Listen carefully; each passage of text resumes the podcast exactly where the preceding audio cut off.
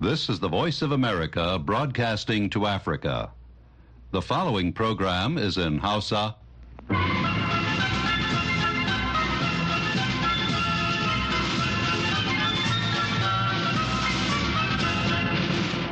Sashen Hausa na murya Amurka ke magana daga nan birnin Washington DC.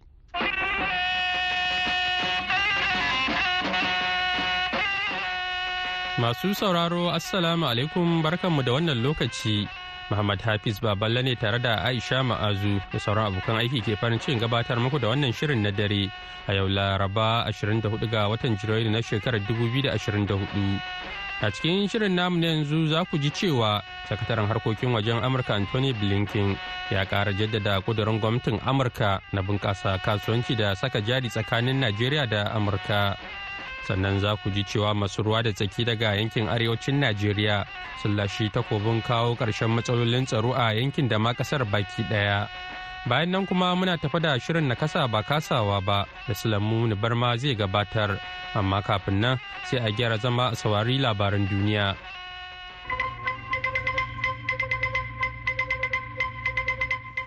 Masu sauraro assalamu alaikum da fatan an wuni lafiya. Ga labaran duniya.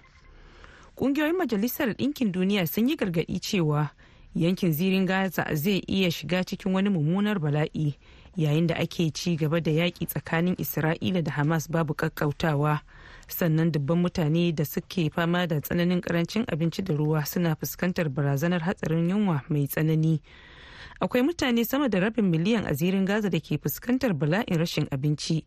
Barazanar samun hatsarin yunwa na daɗa karuwa a duk wuni kasancewar rikicin yana kawo tsaiko wajen kaiwa mabukata muhimman bukatun jin kai da zai iya ceto rai. A cewar abir etifa babban jami'i mai hulɗa da jama'a kuma mai magana da yawun ƙungiyar wfp mai samar da abinci da duniya a yankin tsakiya da arewacin afirka. Da yake yi wa manema labarai a geneva bayani a jiya talata daga cairo. Ittifa ya ce wfp ta samo ton din abinci dubu ashirin da ɗaya daga yankin wanda zai wadatar da akalla mutum miliyan biyu da ke cikin gaza tsawon wata guda. To sai dai matsalar ita ce duk abincin da suka samu yana kan iyakar ƙasar masar. Ba su iya sun shigo da shi cikin gaza ba.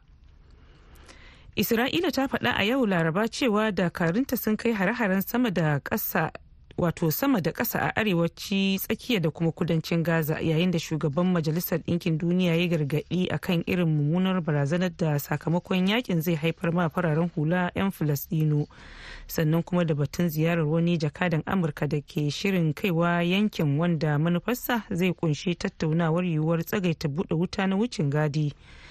Ayyukan sojin na isra'ila sun hada da birnin khan yunis a kudancin gaza inda ya faɗa a inda fada ya ci gaba da zafafa a 'yan makonnin bayan nan. Sannan isra'ila ta ce ta yi wa yankin wato ta kewaye yankin. Wata sanarwar sojojin isra'ila ta yi wa mutanen da ke yankin arewacin kan yunis gargaɗi su fice. Sanarwar na baya-bayan nan wato sanarwar na baya-bayan nan irin wannan na da isra'ila ta yi hakan ne wato ta yi hakan ne don kare fararen hula. To sai dai kuma yayin da yaƙin yake dada kutsawa can kudu sannan kusan duk mazauna yankin sun gudu sun bar gidajensu ana daɗa samun ƙarancin wuraren da fararen hula za su iya samun mafaka.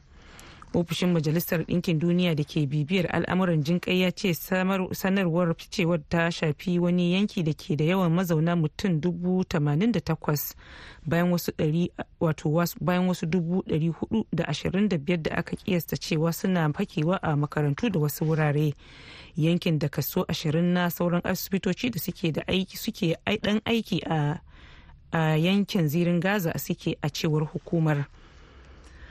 Babbar asarar da rasha ta yi a mamayar ta na ukraine na nufin cewa yanzu moscow za ta fara mai da hankali a kan amfani da makamanta na kare dangi a filin daga yayin da take dada ganin akwai buƙatar daƙile wani yunkuri da kuma yin nasara a kan neto bisa bayanan wani sabon rahoto da cibiyar kasa da kasa na nazarin tsarin mulki wato international institute for strategic studies iiss a taƙaice ta fitar.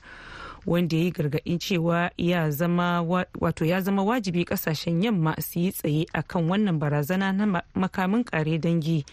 A ranar 22 ga watan fabrairun 2022 a sa'ad da tankokin rasha na farko suka nufi kan iyakar ukraine a farkon mamayarta a ƙasar shugaban rasha vladimir putin ya yi wani jawabi da aka yada ta kafar talabijin inda ya gargaɗi wato inda ya gargaɗi aka gani a faɗin duniya inda ya ce za a fuskanci sakamakon da ba ku taba fuskanta ba a tarihi har idan aka yi yunkurin hana rasha ɗaukan matakin da ta yi niyya.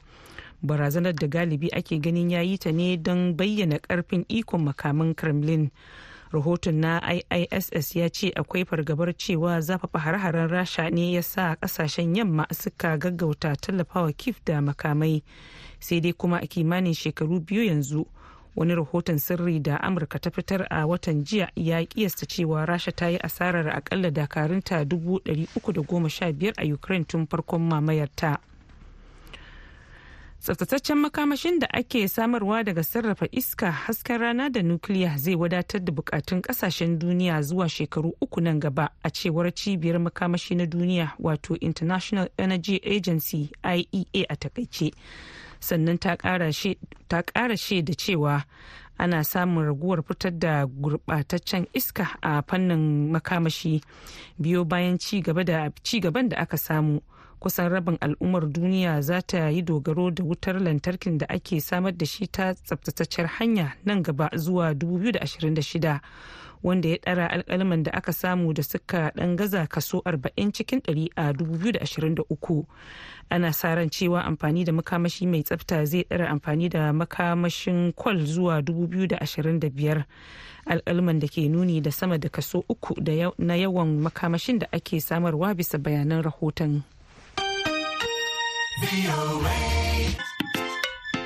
Labaran duniya aka saurara daga nan sashen Hausa na murya Amurka. Yanzu kuma za mu buɗe taskar rahotanninmu daga Najeriya. Sakataren harkokin wajen Amurka Anthony Blinken ya ƙara jaddada ƙudurin gwamnatin Amurka na bunƙasa kasuwanci da saka jari tsakanin Najeriya da Amurka. Blinken ya bayyana haka ne a ziyarar da ya kai Legas da ke zama cibiyar kasuwancin Najeriya. Daga Legas ga rahoton da wakilin Babangida Jibrin ya aiko mana. Nigeria, as Africa's largest country, largest economy, largest democracy, um, is essential. Sakataren harkokin wajen Amurka Anthony Blinken kenan a lokacin da ya halarci wani taro da Bankin Raya Afirka ta shirya a birnin Lagos na samar da abinci da kuma tallafawa manoman nahiyar. Mr. Blinken ya jaddada kudurin gwamnatin Amurka kamar yadda ya jaddada bayanan da shugaban Amurka Joe Biden ya yi tun farko. Where, as President Biden has said, uh, Africa feeds itself. And actually, more than cewa kamata ya a ce nahiyar afirka tana ciyar da kanta ba ma ciyar da kan nata ba ciyar da sauran ƙasashe na duniya to koya 'yan najeriya musamman ma dai masana tattalin arziki ke kallon wannan ziyara na bunkasa tattalin arzikin najeriya da ma afirka. Ga dai dr dauda muhammad kwantagora masanin tattalin arziki da saka jari. Shi wannan ziyaran da sakataren kasa na amerika ya zuwa blinken da ya kawo a najeriya wani daga cikin alfanun shi shine an daɗe ba a samu irin wannan ziyara daga wani babban jami'i na ƙasan amerika ba. To kuma idan ka lura yanzu akwai rikita-rikita da kuma yaƙe-yaƙe a ɓangarori na duniya. Musamman kaga yaƙin nan na rasha da ukraine ya canza salon hulɗar diplomasiya da wasu ƙasashe. So kaga afirka yanzu ana ganin mahimmancin ta tunda babba ce kuma a afirka najeriya ita babban ƙasa ne wadda take da kasuwanni. Kamfanonin da suke da alaka da wannan ƙasashe da kuma su kamfanonin najeriya za su yi amfani da wannan dama din su ga wasu irin bukatu ne na na ƙasashe amerika za su buƙata a yi hulɗar kasuwanci. Har ila yau sakataren harkokin wajen na amurka anthony blinken kafin ya tashi zuwa ƙasar ta angola ya gana da shugaban najeriya bola ahmed tinubu inda kuma ya yi alkawarin cewa gwamnatin amurka za ta baiwa ƙasashen yammacin afirka karin kuɗi har dala miliyan arba'in da biyar domin yaƙi da ayyuka irin na ta'addanci kamar da tun farko gwamnatin amurka ta yi alkawari na yaƙi da ayyukan ta'addanci a nahiyar. Tun da farko dai sakataren harkokin wajen na amurka ya kaddamar da wata cibiya da ake kira american a unguwar da ke birnin lagos wurin da za a samu muhawara da musayar ra'ayi tsakanin 'yan najeriya da kuma amurkawa domin zamantakewa da kuma ci gaba na tattalin arziki da kafa mulkin musamman ma dai a tsakanin matasa I'm here in Nigeria at President Biden's behest. And earlier this week, we were in Cabo Verde, uh, in Cote d'Ivoire, and we'll be going on to Angola uh, because we share that conviction. Uh, Africa has shaped our past. It is shaping the present. It will shape our future. Babangida jibrin murai amurka daga lagos. A gaida babangida jibrin da wannan rahoton. A yadda wasu masana tsaro ke matsa lamba ga gwamnatin tarayyar najeriya akan ta ɗauki yaƙi da matsalolin tsaro musamman arewacin ƙasar da mahimmanci. Masu ruwa da tsaki daga yankin da suka hada da gwamnonin arewa maso yamma da sarakunan gargajiya da dai sauransu sun lashe takobin kawo ƙarshen matsalolin tsaro a arewacin ƙasar da ma ƙasar baki ɗaya ta hanyar al'umma. Tare da cewa haɗin gwiwa daga ɓangaren tarayya zuwa jiha shine mafita. Daga abuja wakiliyarmu halima abdurraub ta aiko mana da wannan rahoton.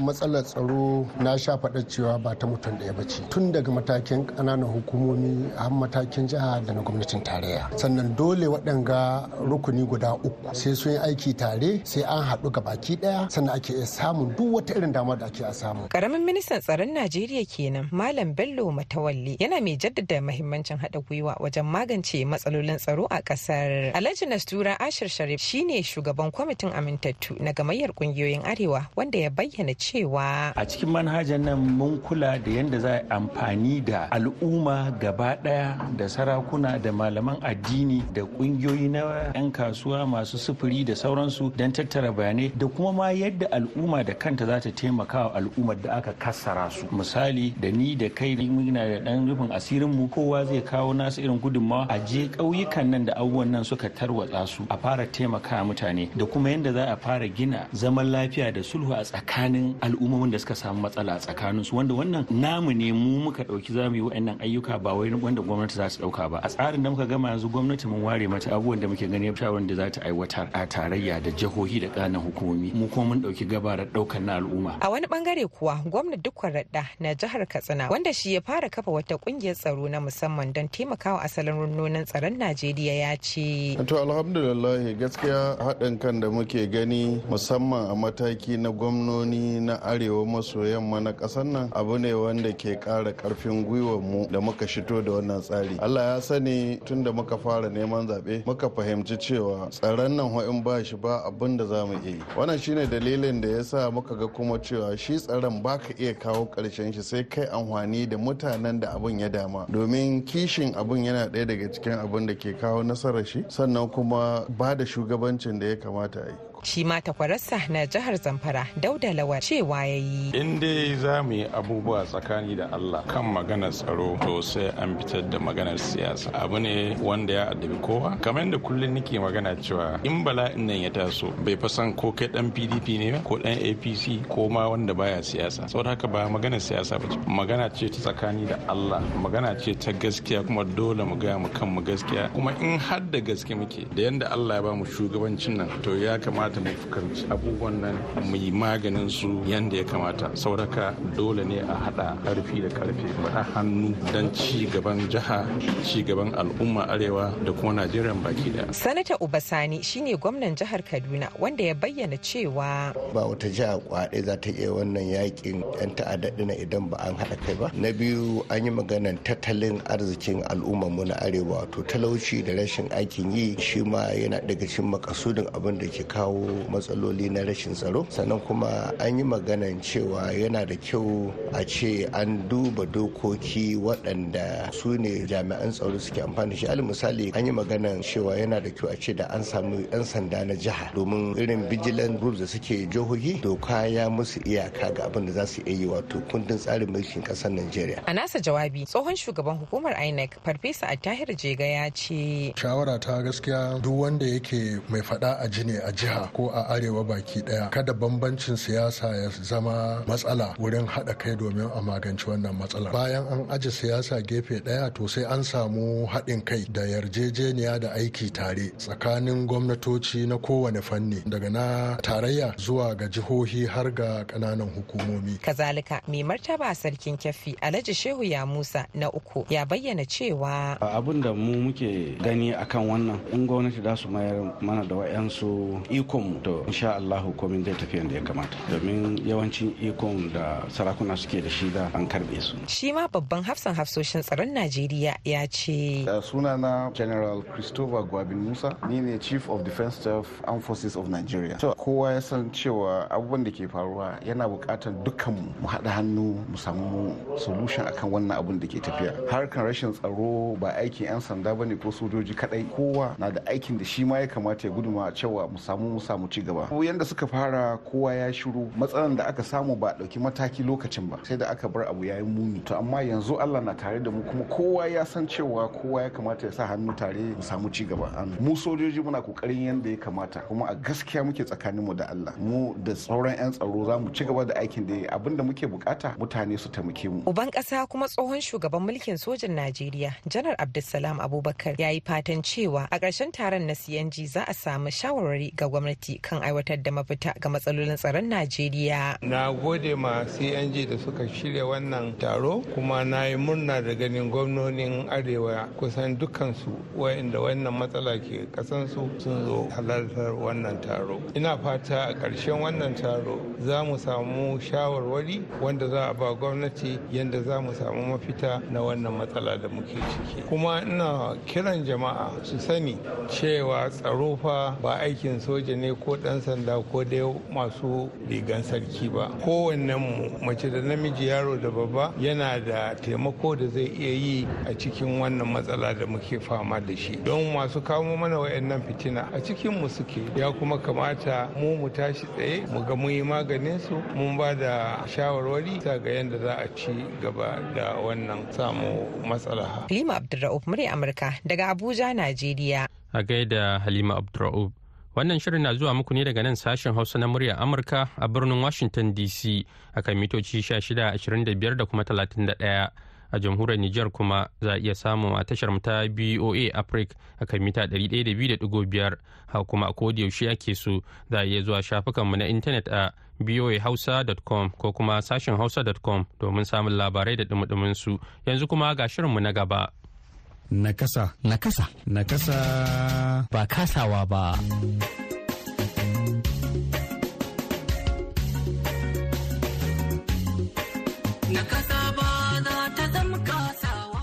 Jama'a salamu alaikum barkar mu da sake haɗuwa a shirin na kasa ba kasawa ba wanda ke zuwa muku a kowane mako daga nan sashen hausa na muryar Amurka.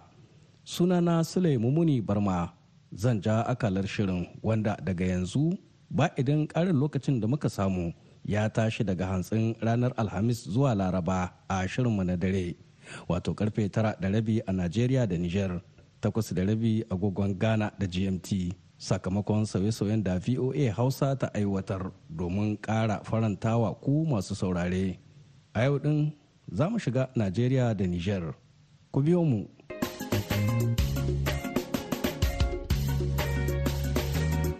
To kamar yadda wasu daga cikinku suka ji a makon da ya gabata shirin na ci gaba da ji daga bakin Malam Alhat Sabi'u Muhammad shugaban wata makaranta a Kaduna wanne dagewarsa kan sana'o'in dogaro da kai da maganar neman ilimi suka bashi damar kaiwa matsayin da yake a halin yanzu duk da kasancewarsa mai tawaya a dukkan kafafuwansu biyu. Za kuma mu ɗora daga inda muka tsaya a baya. Darakta Alhat ya ci gaba da bayani kan mahimmancin ilimin nakasassu kamar yadda za a ji a ƙarshen tattaunawarsa da wakilin sashen hausa isa lawal ikara. Gaba ɗaya in ka duba tarihin rayuwar karatunka da tasowarka zuwan ka zariya dawowarka badarawa unguwar sarki da zuwa yanzu menene ke zama maka ƙalubale ko damuwa na irin abubuwan da ka ci karo da su haka misali? Kaga lokacin da nake primary school daga badarawa. Ina gidanmu yana bostop badarawa bostop akwai yar tafiya zuwa lea badarawa na gama lea badarawa ba da keken guragu. Da rarrafe nake nake zuwa. Ka san da can baya dan ƙarancin kujerun zama. Da ajin da nake ƙarya ne a ce mu rasa kujerun zama. Domin kafin kowa zo na gama lodo su na gama tarawa a jihu sai kujerun zama ƙwarai kuwa. Da kai kake kai kujerun da hannu ɗaya zan ɗaga ta. Kuma kujerar zama ta ɗalibai? Kwarai da gaske zan ɗaga ta da hannu ɗaya kuma ina dafa da hannu ɗaya in kai ta cikin ajin mun aji. Kafin ka ce an gama zuwa ni na gama gyara na gama kintsa ajin mu. Har an gano haka kuma an san da haka. An gane?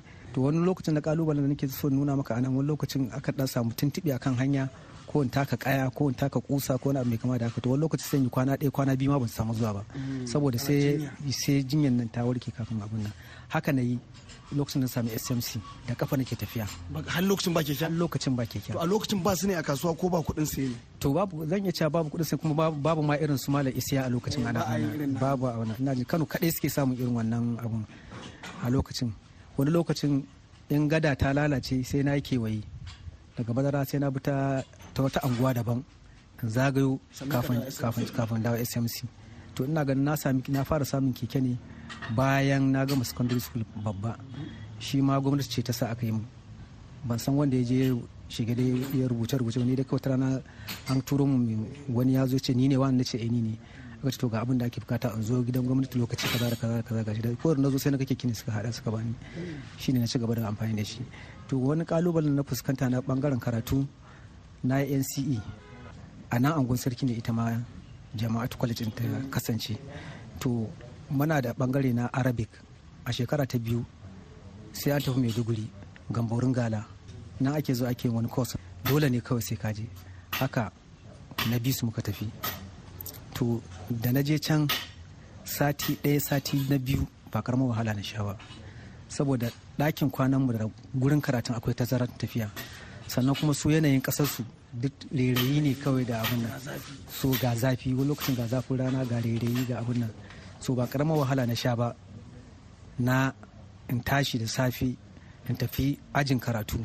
In an tashi kuma da wani lokacin ma wani lakcara din ana cikin karatu zai iya cewa ku same ni a wuri kaza. Haka za a kara fita ga baki ɗaya ba al'akari da kai ba. To kuma ba su da komai su ma ko irin tanaji na aka sami irin haka a sa mutum keke ko na abu kamar duk babu wannan abubuwan. So amma dai cikin yardan Allah tunda abun yana cikin raina sati ɗaya sati biyu ya zai mun jiki. Har ba wani lokacin abokan aji na ma su ce wani zai su ce da Allah ka tafi mu da takarda ta ka samu. Saboda zan riga su zuwa. Don wasu kafin su zo ni na ma riga su na riga na abun na tafi. So irin wayannan dai su ne kusan dan kalubalen na samu ta ɓangaren karatu din gaskiya ban samu abin hawa ba sai bayan kusan da gama mafi yawancin karance karance na kafin ma na fara samu. To nasarori fa? Ka to ai nasara alhamdulillah. Babban nasara ina tsayuwa da kaina yanzu. Albarkacin wahalhalun da na sha na baya yanzu ina iya tsayuwa da kaina. Ina da mata biyu yanzu haka. Kusan yara na goma sha biyar yanzu. Kuma ni ne cinsu ni ne shan su ni ne makarantar su kamar yadda alhaji ya faɗi. Ba da ko ɗaya a makarantar gwamnati duk makaranta na kuɗi ne nake biya. Kuma cikin ikon Allah da hukuncin ubangiji ba abin da nake gazawa. Duk da canjin yanayi dai da aka samu da shauransu amma dai mana muna ta lallaba muna roƙon Allah kuma Allah yana kawo mana mafita muna ɗaukan ɗawainiyan kanmu. Wannan ba ƙaramin cin nasara ba ne a rayuwa.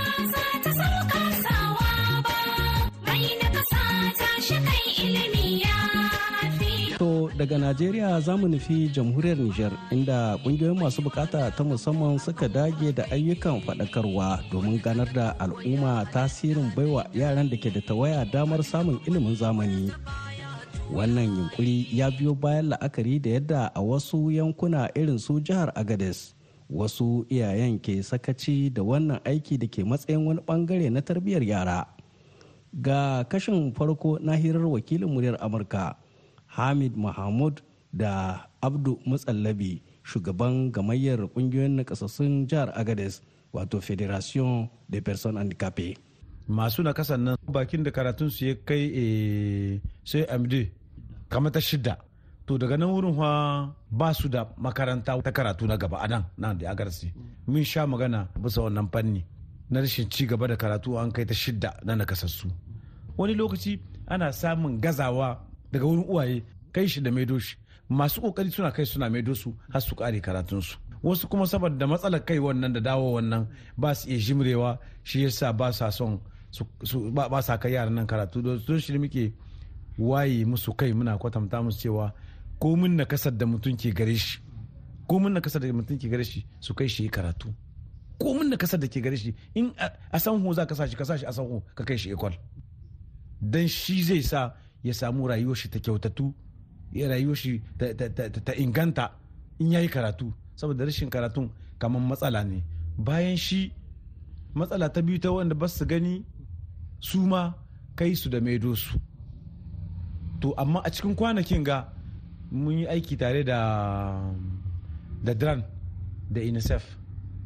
Ana tattaunawa bisa a ga yayan da za a yi a sama musu hanya ta muwayen da plasma wanda za a kai su ana maido su. Akwai matsala ta rashin kamar hali na kuɗi wanda yanzu in aka diba za a ga kamar makarantar da ka fara za a riƙa kawo kawo. Shin wannan ma bai taimaka ba wajen hana su yaran da kasa su ci gaba da karatun su? Game da karatun kawo jika kawo ɗari mutanen Nijar ba ragwaye ba ne ba gaskiya. Babu gazawa bisa wannan. Matsalar zuwa da dawowa. Amma kuma in mutumin bai da kahuwa mu jagororin mutane masu na kasa akwai hanyoyin da muke bi mu sama mushi muwayankin da zai samu abun hawan na zuwa da zawwa in dai bai da kafuwa mu mara kafuwa wancan ko da ba su su ma ɓangaren su ana ana nema musu halin da za a riƙa kai su. Tunda kaga wanda bai gani kullum sai an kai shi a maido shi. To ana nan ana neman hanyoyin da za a bi a samu muwayankin da za a samu wanda zai riƙa kai su a muwayan da deplacement kin su a kai su a maida su gida. Babban kira na ga uwayen mutane wanda suke suna da nakasa magana ta farko da Allah in dai yaro ya kai shekaru na lakwal su kai shi su sa shi ikon in ba su san hanyoyin ba ko makafo ne ko kurma ko gurgu ne su zo wajen mun san hanyoyin da za bi a kai shi a sashi lakwal. Saboda ba kullum za su zamana tare da shi ba. In yi samu wannan karatun wannan zai ceci kanshi. Sauraro nan za mu dakatar da shirin a yau sai a makon gobe za mu zo da wani sabon shirin wato ranar laraba kenan a shirinmu na dare ƙarfe tara da rabi na yamma a najeriya da nishar takwas da rabi a ghana. A madadin wakilin muryar amurka a kaduna isa lawal ikara da hamid mahmud a jihar agades ni sule mumuni barma da duka abokan aiki na sashen hausa ke ce da ku alabama alheri.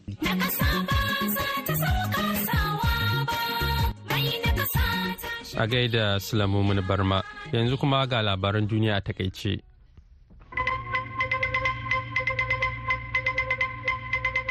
A takaicen ƙungiyoyin Majalisar Ɗinkin Duniya sun yi gargaɗin cewa yankin zirin Gaza zai iya shiga cikin wani mummunan bala'i yayin da ake ci gaba da yaƙi tsakanin Isra'ila da Hamas babu ƙaƙƙautawa. Sannan dubban mutane da suke fama da tsananin ƙarancin abinci da ruwa suna fuskantar barazanar hatsarin yunwa mai tsanani. Isra'ila ta faɗa a yau laraba cewa dakarunta sun kai hare-haren sama da ƙasa a arewaci tsakiya da kudancin Gaza yayin da shugaban Majalisar Ɗinkin Duniya ya yi gargaɗi a kan irin mummunan barnar da sakamakon yaƙin zai haifar ma fararen hula 'yan Filistino sannan da batun ziyarar wani jakadan Amurka wanda ke shirin kaiwa yankin wanda manufarsa zai ƙunshi tattaunawar yiwuwar tsagaita buɗe wuta na wucin gadi. Ayyukan sojin na isra'ila sun hada da birnin khan yunis a kudancin gaza inda fada ya ci gaba da zafafa a 'yan makonnin bayan nan. Sannan isra'ila ta ce ta yi wato ta kewaye yankin. Babbar asarar da rasha ta yi a mamayarta na ukraine na nufin cewa yanzu moscow za ta fara mai da hankali a kan amfani da makamanta na kare dangi a filin daga yayin da take daɗa ganin akwai buƙatar daƙile wani yunkuri da kuma yin nasara a kan nato. Bisa bayanan wani sabon rahoton da cibiyar ƙasa da ƙasa na nazarin tsarin mulki wato international institute for strategic studies iiss a taƙaice ta fitar wanda ya yi gargaɗin cewa ya zama wajibi ƙasashen yamma su yi tsaye akan wannan barazana na makamin kare dangi tsaftataccen makamashi da ake samarwa daga sarrafa iska da hasken rana da nukiliya zai wadatar da bukatun ƙasashen duniya zuwa shekaru uku nan gaba. A cewar cibiyar makamashi na duniya wadda wato international energy agency iea a taƙaice sannan ta kara shaida cewa ana samun raguwar fitar da gurɓataccen iska a fannin makamashi. Masu sauraro a nan muka kawo ƙarshen shirin namu na yau sai kuma goben Allah ya kai mu za ku ji abokan aikin mu ɗauke da wani sabon shirin. Yanzu a madadin Aisha Ma'azu da ta karanto labarai da Julie Leathers Gresham da ta ba da umarni da ma injiniyan mu na yanzu Bill. Ni Muhammad Hafiz Baballe ke cewa ku kwana lafiya.